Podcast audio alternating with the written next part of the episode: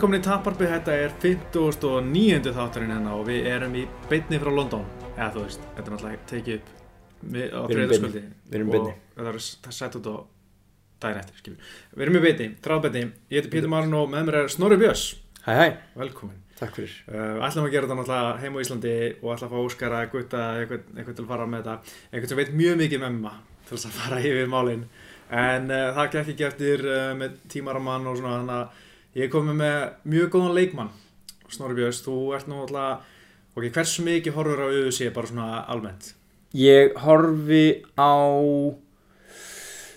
Ég horfi á stó... Ég held ég horfi alveg frekar mikið sko. já, ok. En, en svona, hérna, það var eitthvað barða kvöld um daginn í Prag eða ekki? Mm Ég let það fram með mig fara já, já, já, Það er svona þannig eitthvað, þú veist, ég verða að þekka eitthvað En, en sko, ég vaki nú ekkert eitthvað eftir öllu En, en ég, Mhm. hérna, mér finnst mjög gaman að horfa á þetta eftir á Og, þú veist, og tjekka alltaf á úslitunum á MMA fréttum og já, já, já, svona ég veit, ég veit ekki hvernig ég á að svara þessari spurningu Ég horfa alveg bara þokkalega mikið En, þú veist, ég komin yfir það að horfa bara á þegar Conor berst, já. Ég, ég byrjaði þar já. Og síðan vinnum maður þessi hægt og rólega Og byrja að fá áhuga á fleirum og fleirum Og hérna, eins og smorgir eins og svo margir, einmitt En uh, við erum auðvitað bara herbyggin okkar hérna í London og hérna þú kom inn þetta og, og þetta er hvað, fjórða ferðin hjá þér, að bardæ hjá Gunna.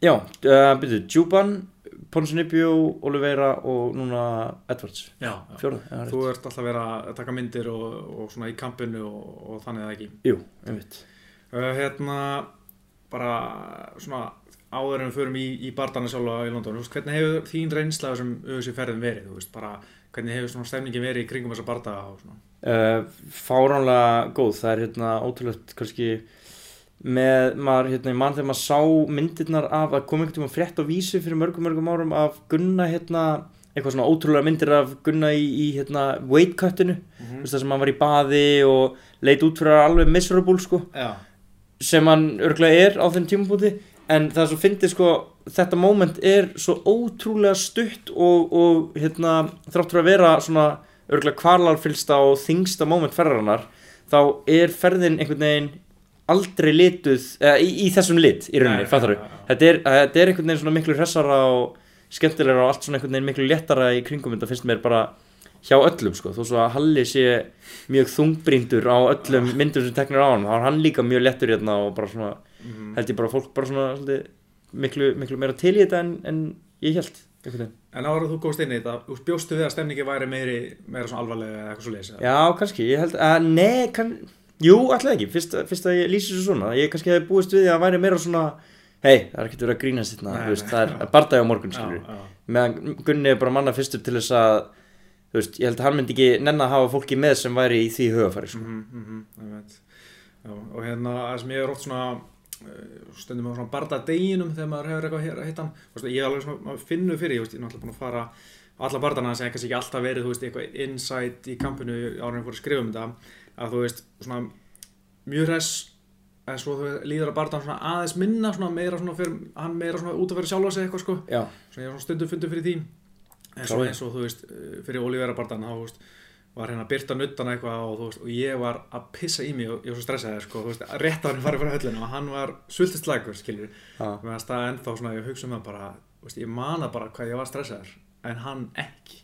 Já, það er mjög svona steikt augnblik ég held að, að hérna, uh, hann, hann lýsir best þegar hann einmitt, það var fyrir reyndar, reyndar Ponsi Nibjubardan þegar Mm. hérna, þá var einmitt byrta líka nutan og hann talaði um að hann væri bara til í að lappin í búrið núna já. hann búin að ná vikt Mhm. allt komið, leið ágætlega búin að hérna, borða og drekka og bara góður og síðan hefst bara eitthvað svona waiting game sem er bara óþægilegur já, og þetta er kannski bara svona eins og einhvern veginn þú er búin að læra fyrir próf en síðan þetta bara að býða eftir því sem ég hef aldrei lent í, þú veist, ég er alltaf bara að læra alveg fram að prófunu en þannig einhvern veginn ertu búin að leggja inn alla vinnuna og svo ertu bara einhvern veginn að býða og allir einhvern veginn svona, svona svolítið að tipla í kringum þig og, já, og þú veist, fólk er að ná myndum að þér bara hvert sem þú fer Mhm. já, ég veit ekki, en hérna já, ég mynd aldrei, ég, ég þú veist, hefur þú einhvern tímann séð eitthvað svona stress á honum Nei. eitthvað, pff, já, já, maður Já, ég, veist, ég held ég hef aldrei séð hann flýta sér sko, eins og ný, þú veist, aldrei Nei. svona herri fokk er að setja, þú erum að drífa let's go sko. nei, nei, nei, þetta, þetta hefur aldrei verið sagt Nei. á hans æfi, sko. nei, ég maður mér sem er sko, hvað er með Glasgow þegar myndin var byrjuð og hann var ennþá fyrir sturtu sko eftir æfingu og, veist, vorum bara, hvað, spæti mann eða ekki? Já, og ég var svona bara, herri, ekki fara að drífa ykkur, e- eða eru ekki bara að missa af þessu bara, þetta er bara búið, sko, en þú veist nei, nei, það var ekki eins og að hlaupa í bíóðu, sko. Nei. það var bara að labba, sko, og Já. mjög hægt. sko það var til þess að missa bíómynd en ég lendi, hérna, fórum með Haldórloga og hérna Gunni var að halda svona seminar hérna Já. í Írlandi. Og við vorum að missa flugi. Og eins og ég var að segja þegar vorum að kominga, ég vil frekar vera við veist, sjá geitið og býða þar tveimur tímum fyrir, Ah. frekar heldur en að veist, vera á einhverjum þægilegum veitingastað og drekka kaffi og mögulega sensa að missa fluginu. Já, og Gunni er náttúrulega akkurat öfugt. Hann er bara til í, þú veist, það var bara final call verið að kalla upp. Og vorum alltaf svona berli að ná flugum. Já, og Gunni var alltaf svo slakur yfir þessu. Ég er bara svona, herrið, þú veist, hversu oft yfir æfina hefur þú eiginlega mist af flý og hann sagði, tvisvar. Og ég eitthvað, já, sko. Og hann sagði, nei, en í bæði skiptin var það ekki mér að kenna það er einhvern veginn eins og allt gangi bara upp já. þó svo hann sé svona slakur, sko. Það er fárlegt, sko. Það er það- svona eins og hann sé að reyna hann er mega point bara að þurfur ekki að vera með stress Já. og það er að virka, sko. Það er alveg freka pyrrandi sko því að þú veist maður vill einmitt halda sko. Ég er einmitt í saman pakka bara, bara af hverju að vera að tefla hættuna þú geta mistið flugi þú veist að býði marga klukkutíma eða að vera að taka auka kortir og fara fyrir að staðið eitthvað. Einmitt, eins og bara í morgun þegar hérna við vorum á, á, á Joan Juice að drekka kaffi og ég og Hall eitthvað, herrið, ég ekki fara að hliðinu?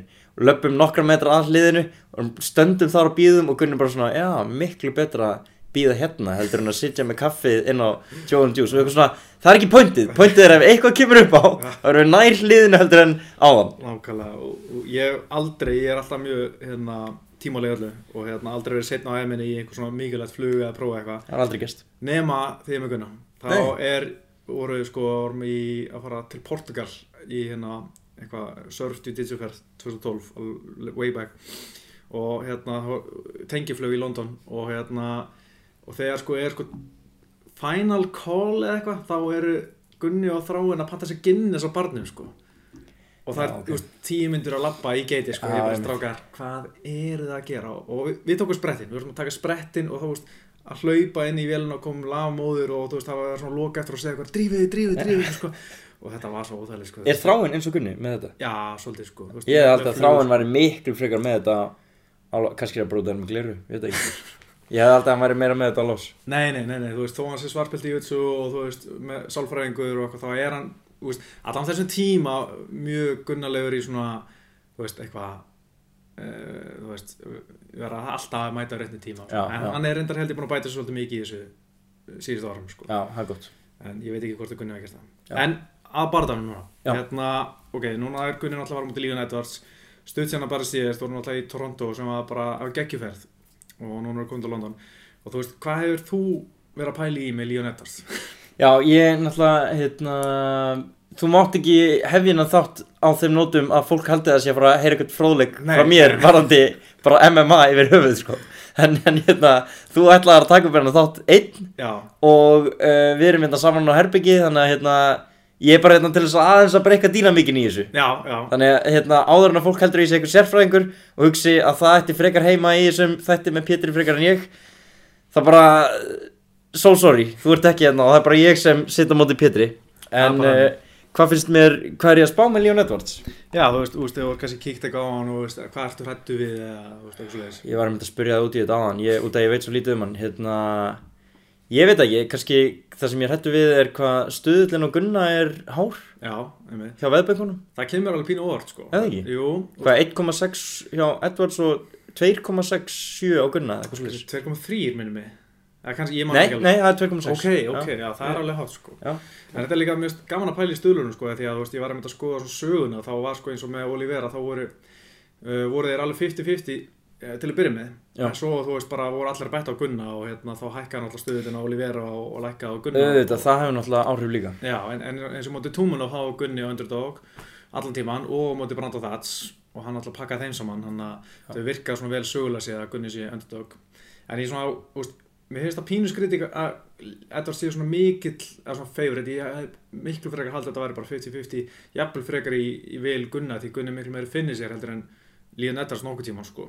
Já, já, já þannig að Edvards er bara búin að vera langlista barðaði sinni í USA á, á dómarákurinn sko Ok, en þá kannski þá, hérna, annað sem veldur mér ágjum er að Edwards hafi sigrað Donald Cerrone Já, það, ég held að það sé mjög stór faktor sko, og líka sér sigurgang, hann er búin að vinna hvað, sexi röð eða eitthvað svo sko. Já, einmitt. það er svona, það telur skilur, úst, það, það er sexy, menn Gunnir bara búin að vinna einn í röð þannig sé skilur, þú veist, hann er búin að vinna þrjá að sýstu fjórum, veist, Já. en, en en það sem ég veist sko, eða svona margt sem ég pælti í þessu með hann bara það að þú veist, Líðan Edvards, ég held hann hafi ekkert verið neitt rosalega spenntur fyrir að mæta Gunnar fyrst, því hann var að kalla út Dos Anjos og Jorge Masvidal og Darren Till, hann gerði svona flottan Instagram post þar sem hann setja alla svona saman í mynd og hérna notaði örgulega Premiere Pro til þess að klippa þetta saman og hérna og kalla alla þá út en ekki Gunna og þú veist ég veist bara okkur ekki að, þú veist, hann vildi ekki, vill ekki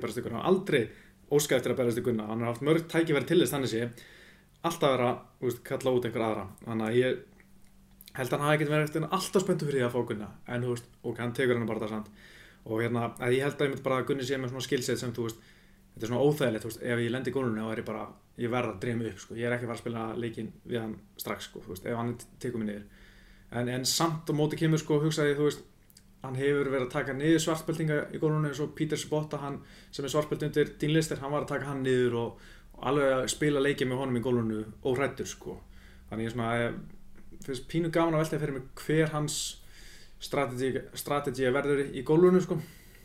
Já, uh, þú fær ekki svar frá mér en, en hérna, ég er kannski aðeins að meta út að maður heyr alltaf að hvað Gunni er ótrúlega góður í gólfinu og hérna einhvern veginn bara hann og svona nokkri aðri sem kom upp yfir, yfir svona frábara jiu-jitsu-gæja í UFC Mhm, mhm. en þú veist, er Edwards alveg að fara að gefa honum þú veist, samkeppni þarna ef, ef þetta fyrir niður, er það kannski gett agalegt fyrir hann þetta stundum kemur upp þessi svona maður er kannski svona mest á Íslandi í einhverjum vinópum þar sem menn eru bara í mikill stemmingu og þegar barndaginn finnir í gólfið ja, þetta er komið, eða eitthvað svoleiðis en Já. er, er kannski önnur tilfinning að fara að vakna upp þarna á mútið Edwards eða? Mér, á mínum að þetta er það svolítið hann að ég hef aldrei séð Edvards í vandræmi í gólfinu, hann har aldrei verið söpaðar hann har bara aldrei verið kláraður yfir höfuð sko, bæði töpuna síðu sem var eftir dómaragurinn og með þess að annað eh, eftir mjög vafasama klopna dómaragurinn í Brasilíu gegn Brasa sko.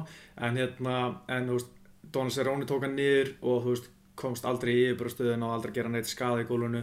Kamur Úsmann sem er þetta meistarinn dag þegar þeir byrjast 2015 hann náði að taka niður en að komast í dominantstöðu eða gera eitthvað. Claudio Silva, þú veist, vissulega í fyrsta barðan mjög sér, þá náði hann mánti eða eitthvað fyrsta lótu en, en, en, en það er langt síðan og hérna og við alveg séð sko hann hérna, Edvards vaksa svolítið í gólfinu. Hann er, þú veist, óhrættið að fara í takedown og orðið mjög vel rounded.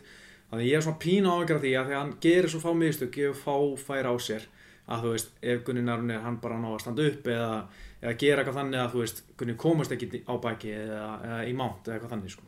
Þú er ekki miklu ágjur að því að Edwards söppi Gunna Nei, bara, ef Damien Maði gæti ekki á, þú veist, ekki góðum degi hjá Gunna, þá er líka þetta varst ekki fara að gera nema að sé bara, þú veist, búin að nánast róta Gunna og Gunni bara svona einhverju, Já, ég skil. veist, eitthvað þannig, skil. Hann er ekki að fara að taka hann á, á tekninni í Nei, nei, nei, nei, það er bara, mér finnst það mjög ólíklegt, sko. Já, nei, já, einmitt sama hér sko en það er bara svona fyndið að þeim möguleikar er ekki einu svona velt upp sko. Nei, nei, nei, ekki, það er ekki að ræða, sko. Nei, En hérna, þess vegna vildi ég ræða sko. Já, ekki, ekki En sko, mér finnst líka svona gaman að pæla í sko, og að ég að wrestlingi hjá Líðan Edvards er mjög gott, sko, ég meina Úsmann var í vandræðum að taka niður, Úsmann er þetta meistar í dag og hefur verið að taka flesta niður, sko, og þú veist, eiginlega alla sem hann mætt, en, en, en þarna sáu ég, sko, Líðan Edvards, hann var, veist, fyrstu tvælótunum að ná að halda nokkuð nokkuð velstandandi, þú veist, var að koma sér upp og svona, en svo í þriðilótu þá var hann svona þreytar og þá náðu Úsmann svolítið að taka yfir barndan, en ég meina Sigurinn var þannig sem aldrei hættu hjá Úsmann, þetta var ekkert þannig en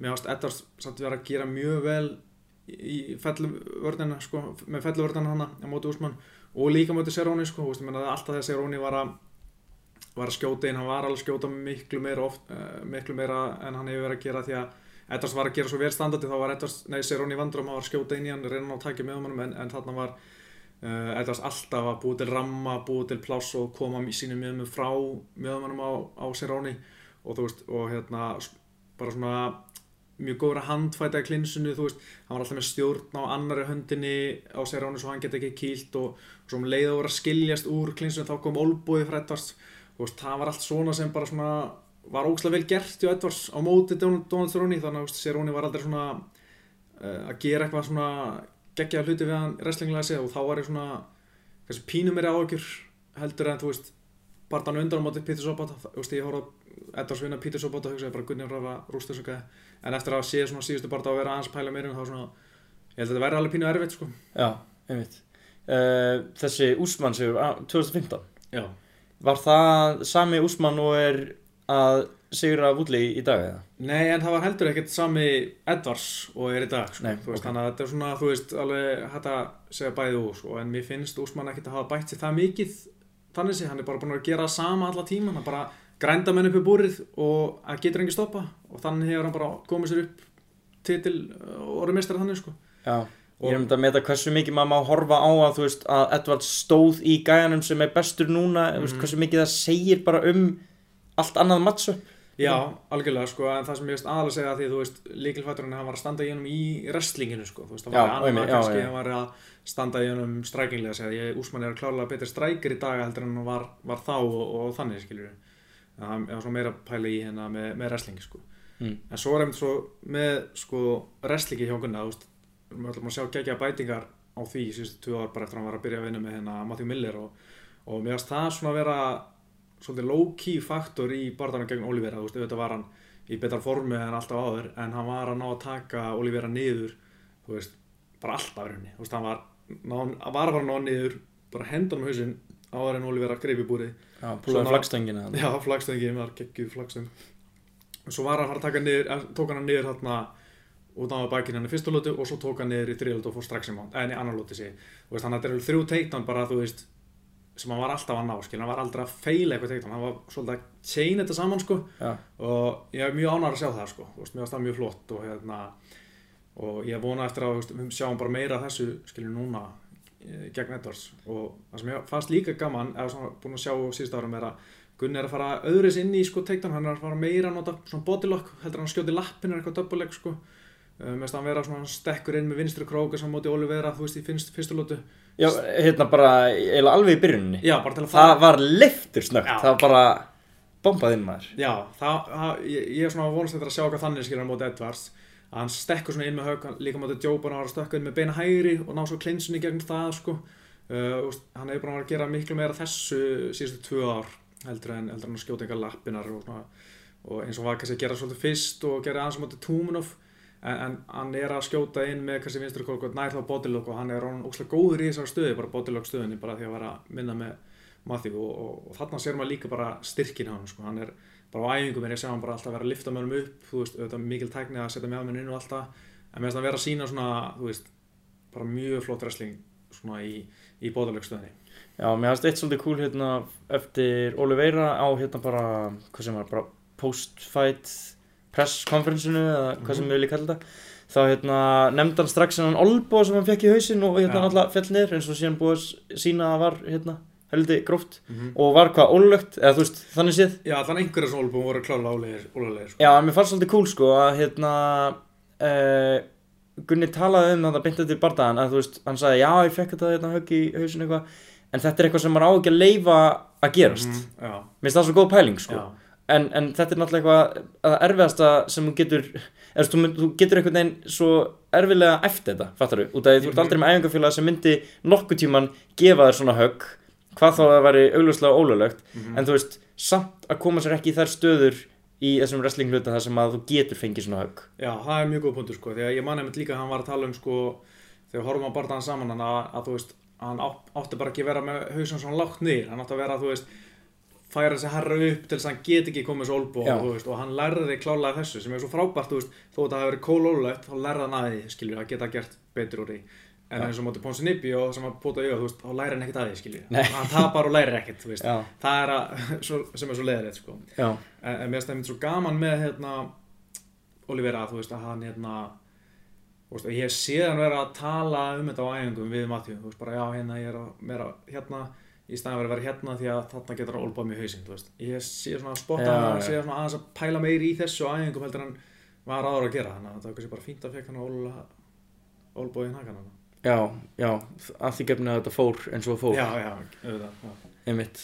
En það sem mér finnst líka sko svo höldum okkur áfram með hennan bodylockstu að þú veist, að Edvard síndi á móti hérna Serrani, hvað hann er hættulegur þar í klinsinu, þú veist, með þessu olbú og með nýjir skrokkin og ég er svona eiginlega hrættustu við þetta sko. þú að ert að tala um damage sem hann getur gert á Gunna með því að vera í klinsinu og, og hendi þessu olbú og nýja og svona dæmi. já, og þú veist að það er eftir að trubla þú veist, bótralokk uh, takedownin hjá Gunna í klinsuna, þú veist að Gunni bara stekkur inn með hérna vinstri krók eða eitthvað og fyrir inn klins og þar mætir hann bara eitthvað olbúr og nýja og þú veist, og Edvard Snæri slítið þessu lausan skilur bara og er að gera skurði og vanka og meiða Gunna veist, í klinsunu í þeirri stöðu sem Gunni ætlar að sækja pellina, þú veist Já. ég er svona pínu, pínu stressað með það sko. Hefur einhvern tímann síðan svona særðan inn í búrinu, bara svona að drepast og vera bara eitthvað limpaður og búin að fá vond, hérna, þú veist, nýja í, meira bara á maður Rick Story þú veist, Já. lappina voru alveg búin að gefa sig eftir öll spörkin í, úst, láspörkin frá honum og allt það sko. einmitt, og þú veist hann alltaf, Rick Story gerði óslega vel að fara alltaf í skrokkin með mikið bodyshot sko. já, það tekur svo mikið vindin um hannum og þá sá maður að hann var þú veist, bara strax í annar lúti eða svona seint í annar lúti orðin talsvægt hægar heldur en hann var í byrjun skilur og Rick Story gerði bara óslega vel þar sko. en eins og með Juban og þú varst að tala um gameplanin sem hann kom með mm inn í þann barða, Já, ég var svo hrettur, ég var svo stressað fyrir djúpabardaginn, ég, ég var svo búin að hlusta svo mikið viðtunum við hann, hvað það sem hann búin að tala um að hann var að gera þetta, æfa með þessum og þessum, bara hann ætla að koma inn með gegga gameplan og ég held að hann hafa gert það alveg klálega, hann byrjaði, þú veist, bara bombi lappinu á gunna, ókslega mikið lásbörgum, bara strax fyrstu tvær mínúndunar og þú sá að lappinu voru svona, veist, þegar það var að hitta nýja var að fara svolítið inn, þú veist, þetta var svona þungi í svona lásbörgum og þú veist, Já. og gunni ekki beint að tjekka þau neitt, eitthvað, einhverju viti fannst mér og hérna og, og, og síðan þú veist þegar Gunni náði niður náði ekki að klára í fyrstu lótu og náði ekki að gera mikið skada því að veist, Jóban var að gera mjög vel úr mántiskipinu og þú veist svona kom sér náði að liða fyrstu lótuna og aðeins að fá einhverja huge olbúi eins og þú veist Omari Akhmedov gerði eða Albert Tumulov eða, eða Olivera. Mhm. og hérna og eftir fyrstu lótuna bara shit þú veist hann er búinn að kannski, eða orku í þetta og nú kannski kemur Jóban bara allar að hamra í hann skilur mei, meira með spörkum og siglu svo heim á stigum, kannski vinna 29-28 og taka setjum tvær lótunar á móti fyrstu skilur að tapa henni. En svo komu þetta bara sér beina hæri frá Gunna og þú veist það bara breytti sér sko en ég var mjög stressað fyrir þann barða því að hann var að vinna með mjög góðan gæjum og hérna, sem ég held að væri að fara að undirbúa hann eitthvað fáralega vel fyrir fyrir Gunna en, en endanum bara þú veist, var Gunni bara miklu betri skilur já, en eins og þú segir þetta sko að, að vera stressað fyrir því að hann var að koma inn í þetta með eitthvað svona gameplan að, að sko að hugsa þá um bardagan sem er yfirvóandi sem í þessu tilfelli er Edwards að þeir séu með þú veist líkilinn að Gunna eða fattar þú, Já. Að, að menn séu með það stert gameplan að það geti actually bara skilað um sigurinn Já, sko, það held ég sé akkurat máli hjá Edvards það, þú veist, hann er aldrei líklegur kannski til að klára bardagan, þú veist, með bara söguna þessi í USA, hann er ekki búin að klára það marga bardaga, en þú veist, hann er með gott voljum, þú veist, hann er góðu strækjar, hann er, kemur sér sjaldan í vandræði, tekur ekki mikið skada og þú veist, og hann get, er með góð spörk, gott vinstra sparki skrokkin til dæmis, mikið að nota láspörk og þú veist, ef hann kemur bara með eitthvað gegn gameplan, að svona heldur sér frá gunna, sparkar mikið hann, sparkar í skrokkin, kemur með, þú veist, högg hér þar og bara siglur þessu heim þannig á stigum án þess að vera tekið niður, skilur að þá, þú veist, ég held að það sé klála leiðin hans til að vinna og hann sé örgulega pottet að horfa á þetta að bomba í lappinu á hann og þú veist, og svona gera mikið, mikið voljum til þess að, þú veist, bæði þetta minka átputi, eða þú veist, ef hann er mikið að vera skrokkin, þú veist, að hann hægir á, á gunnu og allt það, því að við veitum alltaf að Gunni er mjög hraður sko, og þú veist, og því lengar sem líður á barndan og er hann ekki hans hægur og því meiri skada sem hann er taka með spörkum í löpun, löpuna, lappinar eða, eða skrokkin þá, þú veist, verður hann hægari sko þannig ég held að, þú veist, þeir séu klárulega með eitthvað gott plan sko, en, en svo var spurning, þú veist, einn vinstri krókur, þú veist, sem fellir ettast og þú veist, það er gameplanið bara farið, sem gengur náttúrulega í báðar áttir sko Já, en, en já. það er alveg rétt maður einhvern veginn Já, það, það er svo risastór faktor í þessu sporti bara sko. Mm -hmm. Það er náttúrulega skemmtilega að vinna Já, það er skemmtilega að vita. En líka sko úst, Edvard var að segja á blagamannafundunum hann í januar veist, ég veit nákvæmlega hvernig hann stekkur inn í klinsið þú veist, ég veit nákvæmlega hvernig höggan er komið þá er ég bara svona ok, þú veist, ég held að hann sé alveg að pæla þú veist. Að, ég svona var pínu, pínu stressað við að heyra það sko þú veist, hann var svo mjög kókröstu við að þú veist, þykast vita allt hvað Gunni ætlar að gera en Jóban vil líka segja frekar svipa hluti fannst mér, hann tala um að hann vissi eiginlega allt hvernig Gunni ætlar að gera hlutina en samt var hann rótaður eða þú náðan söpaður skiljum Já, af hverju heldur að til endi á því að berjast við gæja í tíundasæti en ekki Edward sem er í níunda? Uh, menna til að berast að gunna? Nei, til er að berjast við hérna Masuda sem er í tíunda og Gunni er að í gæja í nýjunda Já, sko. Ég, ég, veist, ég veit að þetta ranking er síðan líka bara inn í end or, orðið frekar Mhm. steikt en já. er það ekki smá grilla sett upp líka? Jú, sko, ég held að sé bæði að það að Till og Massadal eh, verður skemmtilegri bara þetta heldur en Till og Já, Edwards. þeir eru alveg að horfa á það bara. Já, og líka, þú veist, ég held að vilja ekki setja Breitland á móti Breitlandi, sko, ég held að sé eitthvað svona Já, pínu hík á, á því, sko og Makes líka að Massadal er bara starra nafn heldur en Edwards, sko. Já, hann er bara, hann er bara lengi og veist, miklu fyrir sem vita hver hann er og meðan Edwards er svona að stíga upp nýbúin að vera í fyrsta meini vendunum sínu á móti Serrani og, og allt það, sko. En, um, en já, ég held að mér finnst það líka mjög skemmtilegt að sjá Darren Till vera svolítið að halda með okkar manni hérna á móti Edwards. Það er ógeðslega gott. Edwards var ekki að tala um, þú veist að hann sé bara, veist rústa Darren Till næst og eitthvað og Darren Till segir bara, herru þegið, Gunn er að fara að söpba þig." það var ógeðslega gott sko. Það er fárlega gott Það finnst að heyra til segja það sko Já. Líka til, þú veist, sem hefur augljóslega þurft að spyrja sig að því vilja fara á móti Gunna mm já, það, það var, víst, komið á borðið tilbúð að, hérna allan reynt að læna þeim bara upp já algjörlega, þú veist, það var bara veist, Gunni var búin að skrifa undir og hérna, hann var búin að fá þetta til sín en Já, ok svo komið ekkert frá til sko. Nei. og hérna, ég held að það sé bara því að umbúðsmenn hans vissu bara að það var miklu betra að berast þetta Stephen Thompson sem var á nummer 2 heldur en Já. Gunnar sem var veit ekki, 10, 12 eða hvað hann mm -hmm, en uh, svona nokkurn veginn búin að kannski kofera hann bara það svona, ég er allavega að segja það sem ég með langa segja um, um Líga Nættast og, Gunnar Má ég byrja þig um að koma með predictions? já, já, já. sko ég er alltaf tíma sagt einhvern veginn bara, bara mín tilfinning að, að það verður svo erfitt þetta verður grænt sko að Gunni taki þetta bara eftir dómarökunum Wow það að þú veist Gunni náðu kannski niður í fyrsta lótu þú veist kannski annar lótu en þú veist að því að ég hef aldrei séð Edvards þú veist lenda í það miklu vandræðum í gólunu ég held að sé bara svona það lungin að halda sér frá vandræðum að hann bara lifa af og svo þriðulótuna kemur hann kannski aðeins tilbaka og Gunni vinnur bara svona 29-28 okay. dómar okkur þú veist ég, það er einhvern veginn mín svona mín spá sko. Já, fair, ég bara Ég virði þínu skoðun já, Nei, það er ekki, þú veist, það er bara að Gunni vinni þetta sko. Já, Ég, já, hérna Ég, þú veist, þetta er bara ekki, bara næsta spurning sko. Sko ég, þá langar mér svolítið að fara að kíkja á hérna Darren Till og, og, og Jorge Masvidal. Já, það kemur í sterkur inn Já, það. er ekki verið sterkur þú veist, þú, þú veist, náttúrulega gegnum Gunnar ert aðeins og kannski búin að vera fylgjast með Dara til þú veist, hvernig, veist, hvernig finnst þér hann vera? Ég var náttúrulega að segja ráðan, ég hérna hlusta á viðtala sem hann tók við hérna Helvani, eða Helvani tók við hann. Já, og ég var að hlusta á hann hann var bara, þetta var fyrir, ég man ekki alveg hvenar þetta var sko, en, en hérna þá var til ekki búið að bjóðast að fara á móti Gunna og til var svona, hei, hver er þessi gæi, skilju, Mm, eitthvað svona, já, og kom eitthvað promotional video um hann og hann var alveg orðið nettur sko, þeir voru svona að byrja að byggja hann upp. Já, kannski nýbúin að vinna Seróni hann Já, þetta hafi ekki verið það. Jú, jú, jú, einmitt, al alveg rétt. Og hérna, og hann er í viðtali við Helvani Og þú veist, hann er bara eitthvað, hei Bara, þú veist, mér er alveg sama Hvernig það er að berjast við okkur, svona eins og þau segja allir Já. En hann var mjög confident Já. Og var bara með hann að sjúka Hreim, sko, og hérna bara Fáránlega, hérna, örugur með, með sig Og bara svona stælar í honum. Og eins fráhrindandi og þetta hljómar Þá fannst mér þetta smá nett, sko. Ég var bara svona, er, wow, þetta er djöðs vesen að vera með þennan gæði veldiviktinu Gunni getur þurft að fara á móti honum. Síðan neytar hann að berjast á móti Gunna og þá bara misti ég alla virðingu fyrir honum bara alveg, eða, þú veist, ég bara svona hann bara svona pyrraði mig í, Já. í kjölfarið. okay. en hérna síðan bakkaði hann Gunni upp hérna, á móti Edvards á blagamannfundinum og á svona hef ég ennþá gaman að hann. Skora nokkuð stig þar. Já, eins og það var þetta mjög lítið beisað á hans uh, ferli í blönduðum bardaðalistum Já. meira bara svona því sem hann segir og gerir. Já, ég skilji uh, sko, ég, En, en Jorge Masvidal, hvað veistu um hann?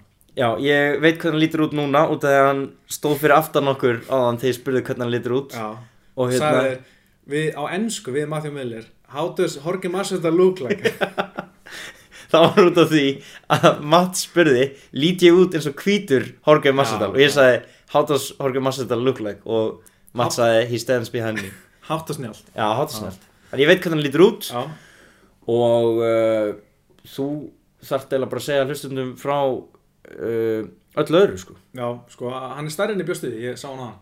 Það Ok. okay. að vera svona bara, já, úst, að því hann var í léttvitt, sko, var í flokkinu fyrir niðan og var svona, ok, ég held að hann væri aðeins stærri einhvern veginn, sko, nei, aðeins, aðeins minni veginn, en bara lítur út fyrir að vera maður í veldu eitt og hérna og þú veist, þetta er gæði náttúrulega sem har í göduslagsmálu með Kimbo Slice. Já, fyrir ekki, þú varst búin að segja mér frá þessum gæða Já. Já, þetta er sá, einmitt, einmitt. Það, þetta er eitthvað svona geggjur típa en ég svona fekk svona pínu svona ægur, þú veist, hann, að því að sko þegar Gunni var ára hann fekk Edvards þá var hann að reyna að fá, þú veist, hann var til í allar, skiljum, var að tala, tala um Horki Massadal og hann Horki Massadal er búin að segja nei við Gunna og var bara að segja við til hann bara, hann vill ekki fá einhvern sem er að fara að dræðhömba sig hann vildi ekki bara fá einhvern sem er að fara að glíma við sig í MMA barða sem var ógeðsla pyrrandi og auðvitað, þú veist, hann var bara vildi bara fá barða fyrir ofan sig samt er hann búin að tapa tveimu barða mér ég er bara svona Gauður, þú hefur ekki efna að vera að byggja neitt svona. Þegið og bara taktu bara daguguna skilju, auðvitað því að maður held að henda okkar manna vel skilju en hérna, svo fær hann dana til main eventi og hérna, veist, ég er svona veist, pínu pyrrar á hann svona hann vann með vann með aðeins að sitt bandan á þessu blagamannafundi í, í janúar sko, hann var bara eitthvað bara hress og skemmtilegur og veist, ekkert ómikið trast og millir hans og Daran til er bara svona nokkur respektúl og bara nokkur veginn sem bara hafa gaman og hann vill bara fá bardaða sem hann er að fara að standa og skiptast og höggu við eitthvað og það er bara það sem hann er vantilega að fara að fá á móti Daran til en þú veist, hann er samt góður wrestler sko, ég meina, Dæmi Maja var í auðvitað hann náði ekki að hann og veist, ma maður sætti alveg kom sér úr slæmi stöðum og held sér á fæti, fótum, fótum í þriðalótu og gerði bara mjög vel þar. Þannig ég get alveg svona væri til þess að maður sætti bara að henda í eina fellu í fyrsta aðralótu til þess að fá Darin til til að hugsa um felluna sko, úst, blekkja hann aðeins og, og platan stríða hann aðeins sko. en, en Darin til sko, þú veist, ég meina hann er náttúrulega koma náttúrulega eftir titilbarna gegn Woodley það sem tölfæran var sko 57 högg frá Woodley 0 frá Darin til sko já þetta var ógeðslega leilu bara Já, mér finnst önnulóta mjög skemmtileg en þú veist, Darin til átti ekki sens sko. og þú veist, þar áður var alltaf partan á móti Stephen Thompson sem var hann ekkert sérstaklega skemmtilegur heldur sko. og hann skeit á sig vikturinn þar Já, já, já, alveg, það var Thompson, ekki Woodley Já, og þú veist, maður er bara svona veist, hann þarf að fara að rífa sig í gang sko, ef hann ætlar að vera einhver Conor stjarnar Liverpool sko. Þess vegna myndi ég segja, ef Masvidal vinnur hann þá er það, veist, þá er þetta mjög slemt track record síðustu bara mánuðina eða bara árið. Já, algjörlega sko. Og ég er líka alltaf mjög stressaður um að til skíti gjörsal á sig vikturinni, bara mæti ekki. Já, og Eddars verður já. færður upp skilur og við erum hérna komni og Gunni fær ekki bara það ég er, veist, ég bara ég, ég er að tala svo mikið um þetta því að mér veist ég þá vera svona að dingsetta hann að þetta gerist ekki sko já, já. Þú veist, Eða þú ert bara svona aðeins að dreifa áhyggjunu þínum yfir á aðra. Já, já, Eins og líka, já, já, það er líka mjög gott sko. Ok. Uh, og já, en, en ég vona bara Darin til að gera þetta eins og maður því að þú veist hann var flottur í viktuninu fyrir Tarnavólli, Mm. en þá var hann líka æfið í Las Vegas í þú veist, Performance Institute með Já. allt topp þjálfun núna er hann bara í Liverpool og þú veist með alla vini sem nála sig og þú veist, er kannski þú veist, ekki eins veist, í miklu svona isolation eins og hann þegar hann er í Las Vegas eitthvað þú veist, í geggju Mhm. geggjum aðstæðum. Þannig ég er svona pínu stressaði fyrir því þú veist, ég, ég treyst honum ekki alveg að hann geti náðvikt bara solid sko. Já, það þurfti einhver að koma þig til hans að Pétur maður ná tristunum ekki. En, en hérna ef að hann vinnur þetta er hann þá bara aftur nei það er náttúrulega Úsmann er komin já, ok, já, já. En hann, þú veist, hann og Ben Askren, Ben Askren er alltaf að fara að mæta hengið til London til þess að skora á Masvital eða dærin til. Hann fílar það ekki bara, en að hann þeirra, sko. Já. Og, þú veist, hann er náttúrulega að fara, sko, ég menna, John Kavanagh var ekki að tala um að, þú veist, að Gunni með vinni Leon Edwards og þá fær hann sigurinn í meinavenduru. Ég held að það sé ekkert að fara að gera, sko. Ég held að það sé frekar að sigurinn í Comain mæti þeim sem tapar í Mm. meinavendurinu, sko. Mm, Æ, ég að er vinnur, þú veist, Horki Massadal hann er ekkert að fara að gæja sem er nummið, þú veist 8 til 10 eins og Edvards og Gunni verða eftir, eftir helgina held ég, sko. Mér finnst það ólíklegt, sko. Já, uh, ein spurning var þetta Masvidal Af hverju er hann svona mikið nafn? Af hverju þekki maður Masvidal?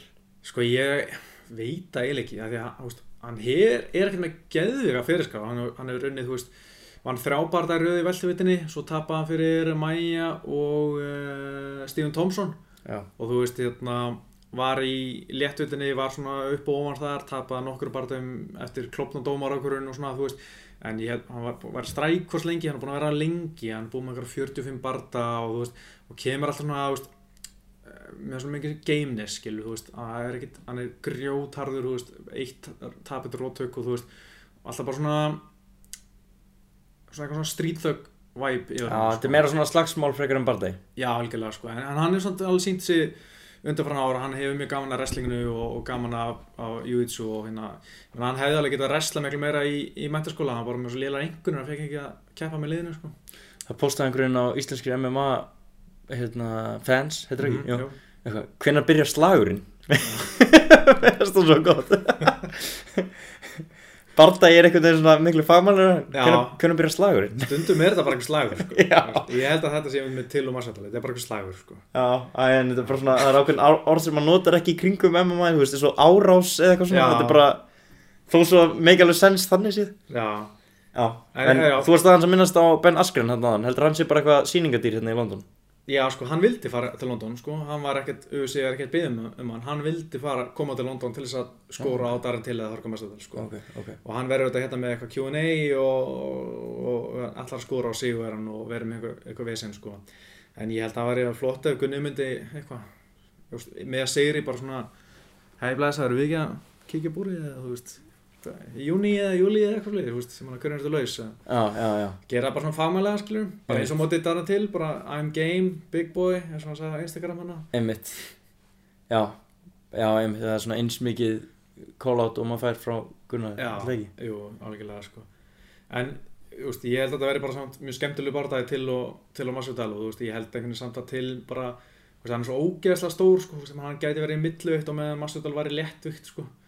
Að hérna, að til bara sigla þessu heim, þú veist taka þetta fimmlótu decision þú veist, til er bara með tvö rótöku í þessi sko, þú veist hann hefur alveg verið að taka nokkur eftir dómar okkur þannig ég er svona, er ekki alveg viss Þú veist, jú, hann er geggjað högfungur og stóra alltaf en mér finnst, og líka massadela með grjót harað högur, sko, maður sé hann taka einhver bombur, sko, sem bara einhver standi jafn að sjá, sko, Shit. en ég held bara eitthvað til bara að lifa þetta af og, nei, hérna takk ekki mikið skada og, og líka eitt með massadel, hann tekur alltaf svona fótina af bensíkinu svolítið, hann kostar svolítið, þess vegna er hann ofta að tapa eftir dómur okkur, þú veist, hann er eins og mátt alveg kvinda, mér finnst hann vera miklu betri bardamæður en hann, það kvöld. En þú veist, eftir, þú veist, einu og hálf lótu er það bara svona hann í einhver takt þar sem hann er bara veit ekki hvað hann er að gera, hann bara gerir ekki neitt. Og alveg kvindið er bara svona djabba og skora stig með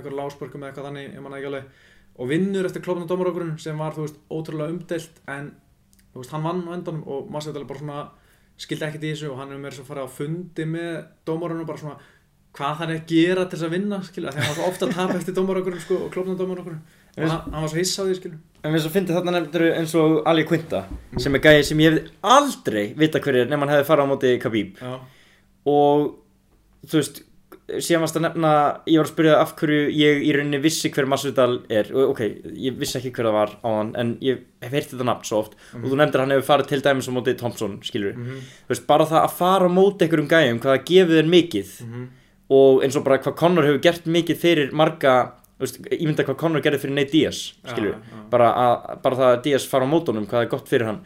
Uh, hérna uh, út af því að veltiviktin er svo sterk núna frá fyrsta sæti niður í bara tíunda bara Mhm. ótrúlega nöfnaninni ef Gunni tekur sigur á móti Edwards og fer síðan á móti einhverjum í topp tíu næst ég myndi segja að það væri alveg risa bardagi út frá sko ekki MMA heldur út frá hvað sem var, bara svona publicity út af því að nöfnin sem er í topp 10 mér finnst það alveg vera svona uh, hvað sem var, svona sjó þú veist það eru, það er alveg hérna, þetta er alveg karakterar, eða Já, skilju, þetta er fólk sem svona eru, þetta eru nöfn í rauninni nöfn á ferilskrána hann er með, Damian Maia tappi og þú veist ég meina bara eins og hvernig Joban var á sínum tíma Mhm. hvernig Ponzinibbio var á sínum tíma veist, og Oliveira nú ég, kannski er einhverjir sem er að fyrst og svegi við hafa ekki vita hver það var fyrir þann balta Mhm. en, en þú veist, mér finnst það svo, þeir sem eru á topp 10 núna það er svona, fólk veit hverju þetta eru Já. og það að fara á móti en það er bara svona, það eru gunnir að fara á móti þessum gæja já, ekki bara einhverjum gæja það er svolítið next level dæmin alltaf sko, að vera komin inn á top 10 og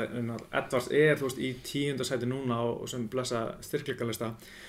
Og ég held að þú veist og þá er, ef Gunni vinnur er þetta fyrst í top 10 sigurinn hans í UFC sko. Einmitt, og hérna það var alltaf mjög stert og Olivera er fyrst í Tumno var fyrst í top 15 sigurinn, Tumno var rankað 13 þegar hann mætti hún, Olivera núna, þú veist, var 13 líka þegar Gunni mætti honum. Mm. og þannig að komið 2 top 15 sigur núna allan að potta þetta á fjöru skráni uh, en svo er hérna bara þú veist, væri top 10 sigur svo gott og svo þú veist, ef við myndum fá einhvern Stephen Thompson næst, skilju, Robin Lawler þú veist, það er með þetta hauga stressaðir en það er auðvitað svo geggja nafn, skilju, fyrir skrána Bob Lawler. Bob Lawler.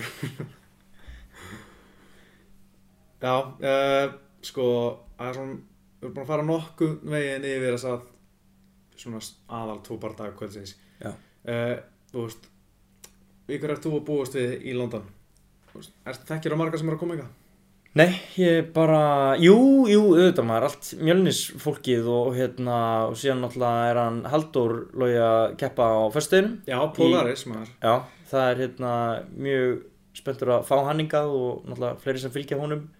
Uh, jú, maður, það verður geggjað hópur af Íslandingum sem maður þekkir, sem er að koma hingað. Já, ég held smá að þú veist þegar uh, Edvards labur út og þegar Gunni labur út að Gunni fá meira reaksjón frá krátinu. Þið vorum myndið að tala um að hann, Edvards var ekkert svona vel leiðin í, Nei, hann er ekkert vinsall sko, bæði er hann leðilegur sko, þú veist bara maður sér hann í viðtölum bara að það er leðileg maður, eða þú veist, hann ber sér ekki vel í viðtölum, hann kannski er örgulega fýtni að verða að spila Call of Duty með hann heima eða eitthvað svolítið, Mm. en þú veist, í viðtölum bara svona, veist, er ekkert gaman að hlusta á hann, ekki með svona sjarma og, einhverja persónutöra sem þú heillast að eitthvað svolítið og þú veist, maður sér það líka bara á svona fylgjendatölum hans á samfélagsmiðlum, þú veist, fólk er ekkert að nenn að fylgjast með hann, þú veist, já, hann er bara með eitthvað rétt rúmlega 20.000 Já. á, á Instagram, já, eitthvað sem er, svolítið, og gunnið með tífalt meira. já, nákvæmlega, þú veist, og það er, þú veist, það segir ekki allt en það segir eitthvað, Já, einmitt, það, ég veit ekki nákvæmlega hvað er sem það lætur ljós en, en svona, þú veist, ég meina, þetta segir ekkert um hæfnin hans í búrinu, auðvitað ekki, þú veist, þá ættum maður frekar bara að horfa á styrkleikalistan, frekar en fylgjenda fjöldan, en, en hérna, það er kannski einmitt eitthvað tengt karakterin. Og svo hef ég bara séð, þú veist, bara, þú veist, það kannski segir heldur ekki mikið, en það segir eitthvað að, þú veist, á Instagraminni á Gunna að menna segja, þú veist, ég breyti en nennur please að lemja hann fucking Eddars, hann er svo leiðilegur, þú veist, eitthvað svona, ég sjá, sjálega fullt af svona kommentum, þú veist, sem hérna, kemur pínu óvart, sko, og, veist, og, og líka þegar ég held, sko, þú veist, fólki sem er að fara að mæta til að horfa Gunna Íslendingar, þeir eru að fara að trillast eða Gunni Labrin, Mm. þegar englendingar sem er að fara að mæta, eru auðvitað bara, að þetta er bara okkar maður, vel gert, klöng fyrir honum, Skil. er ekkert að fara að trillast yfir að Edvard sé að þú veist eitthvað labba inn þú veist. Nei, að hann er svona þú veist nokkuð svona blend skilur. Ég held að hann sé ekki með stóran diggan fylgjendahóp sem fylgir hann á hvert fótmál sko. Nei, einmitt. það er svona mín tilfinning sko. Þú veist bara með það lítið crowd reaction sem hann hefur verið að fá þegar hann er að vinna og, og gera hluti í, í, í hinga til Já, einmitt. Eru gæðarnir fyrir ofan, uh, sagt í topp 10, myndur þú segja að þeir væru á því level að þeir séu með fylgjendhóp, bara sem er diggur? Já, þú veist kannski fyrir utan Ponsa Nibju hann er alltaf með Ponsa Nibju og er með Argentínu og Brasilíu Já. uh, en þú veist, hann er mjög óvinsælt samt, bara almennt, bara maður sér það bara Er það Íslendingarnir að Nei. lesa bara það sem þeir vilja lesa eða er það bara raun? Nei, ég sé það bara hver einustu frétt sem er skrifað um Ponsa Nibju og bara Emma Fighting eða Emma Junkie og þú veist, það kemur póstur um að Reddit þá er alltaf að tala um bara eitthvað cheating cunt, veist, bara sé ógeðslega mikið þessu og Ok. líka bara á, þú veist, hérna Instagraman hans er verið að rakka niður, sko, þú veist á, á ennsku, þú veist, en svo er auðvitað fullt Ok. af einhverjum á spænsku og portugalsku að dyrkan, sko auðvitað. en hérna, en þú veist, já, það er náttúrulega komið, í- ég held að líka nætti sig klárlega svona minnst eh, svona minnst þekktastur á top 10 núna, veist, og með minnsta svona fanbase í kringu Já, uh, en þú veist, ég menn Dame Maia er alltaf með geðvögt ykkan hópa bara brössum og Jiu-Jitsu nördum, sko. Allir sem aða Jiu-Jitsu elska Dame Maia. Þú veist, Robbie Lawler, bara hvernig er ekki hægt að elska Robbie Lawler, þú En veist, ég held meira þess að fólk, hérna, bara Íslendingar fíli Maja, sko. Já. Bara að því hversu bara virðilegur og, og hérna, mikill íþróttamæður, eða svona íþróttamannslega hefðun fylgjur honum. já, nákvæmlega, sko, ég menn það er ekki annað hægt, sko Nei, nei, nei, mitt, Þú veist, það er bara svona, það er hans karakters enginni. Já, þú veist, svo er náttúrulega þú veist, Ben Askren, þú veist, hann er skemmtilegt troll bara, þú veist, það er mjög gaman hann og þú veist, maður sér líka bara viðtalinn sem er við hann er að fá miklu fleiri, fleiri smetli og hlustanir heldur en, þú veist, viðtalinn við, við bara, þú veist, Hafald og Sannjós til dæmis, skilur þú veist, þó Sannjós er alveg nafn og alltaf fyrir meistri, þá er eitthvað svona Ben Askren er svona nýr, hann er nýji strákurinn og þú veist, það er svona pínu hæp á bakaðan og, og hérna, og hann talar, þú veist, hann er að stríða og, og trolla menn og svona, það er gaman að því, sko. Já. Uh, ef til vinnur Masudal Mm og Gunni vinnur Edwards, hvaða tvo næstu barða er Gunni að fara að fá? Sko, minn draumur er bara að því sko að Stephen Thompson er núna að fara á móti Anthony Pettis í léttvikt sem meikar ekkert sens, það meikar bara null sens að Anthony Pettis sem hefur aldrei barast í veltuvikt sé að fara upp í veltuvikt og berast Stephen Thompson. En það er bara því að Stephen Thompson var bara hann var bara ekki fánin að barða í veltuvikt og hann vildi bara fá barða og var bara að hugsa Pettis, þetta er skemmtilegt, hann er ekki að fara að taka mig niður ég er til í það. Ég hef verið frá manni sem hefur eftir bæðið með Gunna og Thompson Mhm. að það hefur verið rætt löngu áður en að þeir voru að byrja að ræða sín á milli að Thompson ætti ekki að fara á móti Gunna Já, það er bara það sem fyrirfram ákveð Já. Ég held að ég hafa heyrt þetta bara saman aðalega sko. Gaman að koma en ofnbært, gera ofnbært Já, eð, eð, veist, en, en ég meina það er náttúrulega augljóst þegar að það bauðst þú veist, hérna, náttúrulega John var að skora eða í að því á, á. Twitter og þú veist, Oftar en einu sinni. oftar en einu sinni, Mhm. en ég meina eins og það er bara eitthvað hlust á það og line upp bardaðanum út af að John tweetar einhverju. En, en samt það lítur út fyrir að hann vilji ekki að það gerist. Já, já það er al- alveg Þú veist, en ég veit ekki hversu mikið Þú veist, kannski hefur Steven Toss bara ekkert val. Þú veist, kannski kemur bara þannig bara hæru annarkvæmt berstu við Gunna að það fara eitthvað Curtis Millendir sem er ekki top 15 skilur, þú veist, og engin veit hver er. Þú veist, UFC er alveg líklegt til að gera þannig sko. Ef þið vilja eitthvað. Já, það er náttúrulega hefur verið uh, svona múviðan skunna í gegnum fyrirlin að, að taka bara ekkert val optionin, eða fattur, hann bara Já. tekur þann sem býðst. Veistu um eitthvað tilfellega sem Gunni hafnaði einhverjum útröðu hann list ekki á hann út frá skill? Mm, sko, meira bara eins og þú veist fyrir, náttúrulega hann var að reyna að fá Darren til í London í massi fyrra og þú veist, það, þegar það gekk ekki þá var þú veist, einhverju nokkrar eins og Masvidal sem sögðu nei og þá var, þú veist, hann hefði alveg getað tekið bara það í mars þá en það var bara gæðar sem voru bara ekki spennandi þú veist, gæðar kannski eins og, veist, ég veit ekki bara svona dæmi, Norton Taleb Zach Cummings hendi nafninu sinni aftur framskilur Já, ok. og eitthvað svona gæðar sem þú veist bara hefur mjög lítið fyrir Gunna að vinna. Já, þú veist, að gera lítið fyrir hann að vinna þar sem mm, en, og í staðin beigði hann og fekk síðan Neil Magni í mæ veist, í Liverpool. Einmitt. sem var þetta frábært að fá en gekk síðan ekki eftir að það hefði Gunni mittist sko. Já, en ég Gunni meina, Magni fekk mjög erfinn anstæðing í staðin fyrir Gunnar. já, þú varst mjög hrifin af Craig White Já, Greg White. Ég er bara að glemja hvað hann heitir. Hann geggjar. já, en, en, en það sem ég varst skemmtilegt við hérna velþjóttina, þú veist, það er svona þú veist, menna, Dos Anjos er búin að tapa hvað, tveimur röð móti Kolby Covington og Kamar Úsmann og þú veist, hann er í topp 5 Steve Thompson í topp 4 þú veist, Steve Thompson er kannski í svona aðeins betri stuði núna eftir að það er en hérna en hann er svona ekki sínt bara eins sko tilþrif í síðustu með hann Thompson er svona hefur oft gert aður sko. Uh, Ponsin Ibbio þú veist er alltaf leitast eftir að fá Dos veist, hann er aldrei að fara að gunna þannig að þú veist, næstu skrif ef Gunni vinnur verða mjög áhugaverð bara hvað verður laust hvað er í bóði og hverju vilja mæta Gunnar sko. Já, en það er tími fyrir sinni pælingar ef, alltaf stórt ef framöndan er Gunni vinnur. Já, en ég er bara að pæli sko hver, hvað gæti verið næsti, þú veist, allir topp 5 gæðarnir muni bara þú veist, er það í bóði að fara úr hvað? Í, er hann í 12. eða 13. núna? núna er henni í 13. Já, og Líon endast í 10. þannig að ég, veist, ef Gunni vinnur fer hann upp í 9-10 þú veist, Já. eins og leið sko en það er bara spurning þá, veist, meina og síðan er þeir sem eru fyrir ofan eru veist, næstu sæti fyrir ofan Damian Maia, Robbie Lawler, Ponson Ibio, Ben Askren Dos Anjos, Stephen Thompson svo til Covington Woodley þetta er rosalegur listið maður og þú veist, mér veist enginn af þessum er eitthvað svona bara geðu Nei, það er alveg- til þess það að vilja berast við Gunna þannig séð sko. Já, það er alveg rétt. en þú veist, ég get alveg trú að Gunni myndi þá næst fá þú veist, sem er alveg eðlilegt þú best fyrir einhvern sem er fyrir ofaði í dag svo næst bestu við einhvern sem er aðeins fyrir neða þig. Mhm. þú veist, þú getur ekki alltaf barist fyrir ofaði þig. Nei, það bara eins og Edwards er að gera akkur núna. Já, nákvæmlega, þú veist, hann barist þessi Róni síðast sem var fyrir ofan hann, núna er hann berast aðeins fyrir neðan sig, en þetta er samt allt rangaðir gæjar, síðu gegn þeim gera alltaf góða hluti. Já, skiptir ekki öllum á lögsért í 7. og 8. það er bara, þú veist, kannski top 5 top 10, top 15 það er svona, kannski svona þrjú getur stig, þannig að segja, sko.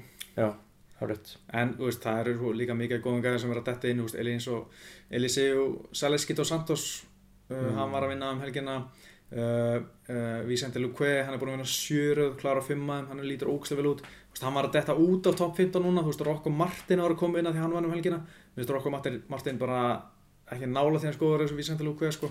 Þú veist, þetta er svona, þú veist, það er hellingur svona gæðin sem, þú veist, kannski getur Gunni fengið bara svona gæða, þú veist, næst sem er kannski ekki eins geðveit eins og fá Robbie Lawler eða Stephen Thompson en ég meina samt rangaður gæi skilur, þú veist, maður sætti sérlega við það maður vill bara sjá Gunnar fá gang sko. Já, en pælti því, þú veist, þá, þá er hann bara að byrja að fara mögulega á móti, eins og þú segir, bara Robbie Lawler. Já, það er skeri sko. Já, auðvitað, en eins og ég núna sko bara búin að vera mjög heiðal með það ég veit ekkert um Edward sko. Mm -hmm. en síðan er maður búin að sjá Robbie Lawler berjast margóft og, og Já. náttúrulega svona hetjuklippur á húnum bara svona allt annað býst sem hann er að fara á móti Já, einhvern veginn, sko, já, allavega í, í huga mínum, sko. Hann er það bara, hann er bara eitthvað skrimsli sko, bara svona klikka gæi, bara eins og móti Rory McDonald og þú veist bara ég, ég held að ég, ég sé hrættast við hann af öllum þessum í veltuvitinni sko. Mest skeri veltuvitamæðurinn Já, en ég hugsa líka á sínum tíma, hérna, þú veist, eins og Gunnar móti Vulli, bara, þú veist, þegar að Gunni var ekki komin í þetta svona monster form, sko. mm -hmm. Ég ætla ekki að segja hann að vera eitthvað minni, en, en hérna, svona meiri línur á honum núna, Já, að hérna, bara, hvað Vulli er svona þjættur og bara svona stór og mikill og með þessa vöðva, maður bara svona, shit, það lítur út fyrir að þetta sé bara ekki fair að fara á mótunum. En ég veit ekki, já, þetta er bara eitthvað, veist, ég er með bara eitthvað speculations út frá því hvernig þessi gæði að líta út, sko. Já, en það er bara skemmtilegt, það er bara leikmaður veist, og hérna þetta er bara það sem margir eru að hugsa Ég held að fólk vilja fá endugritt eftir þetta podcast. Það það. Ég held að fólk hefur gána þessu Já, ok. En ég held að við sem fara að drífa okkur á æfingu Gunnar, Gunnar er frá æfa Já, en, uh, en við ætlum bara segja þetta gott í dag Ég ætla að reyna að taka upp annað podcast fá annan gest Mhm. síru vikunni kemur ljós hver það verður, ég ætla ekki að lofa í erminn á mér. En það verður mögulega ennsku Uh, eitt Sjáum undir lokin hefur Francis Ngannou tekið myndaður Já, ok. Og það var ekkert svona í leini, það var bara uppstilt mynda sem hann tók mynd á síma að þér. Já, mjög lélega síma. Þannig að hann var bara fenginn sem ljósmyndari til að taka myndaður Já, og hann strunsaði upp í liftu brjálæðir eftir þetta það var svo ósáttu við að hafa þurft að taka þessa mynd. Já, hann var óstættu við bara disrespekti sem hann fekk frá þessum ákvæmna Íslandík sem baða hann um að taka mynd. Ok, ég vildi bara fá þetta reynd Já, það voru allir að byggja um mynda sig með honum. En svo kemur gummi ákveð maður og segir Vilt þú taka mynd af okkur? Og þetta var svo þærlegt maður. Það er Oh geggja að. Francis Ngannou hafi smelt mynda ykkur félagunum Það var eitt óþægilega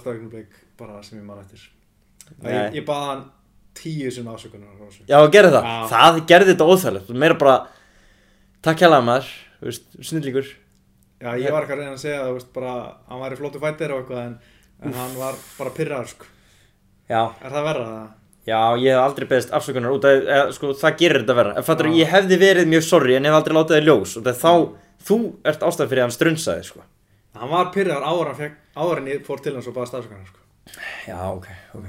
Já, en hann hefur allan tekið myndaðar, það er fyrir öllu. Já, það er mjög mikilvægt Herri, við ætlum að segja þetta gott, bara takk hjá að vera að koma í í tapparpið Já, bara takk hérlega fyrir að fá mig og vonandi er, er hlustundur fróðari um, um blandaða bardagalistir eftir að hafa heyrt á uh, allt sem ég veit um, um þær. Ég efast ekki um það Takk fyrir að hlusta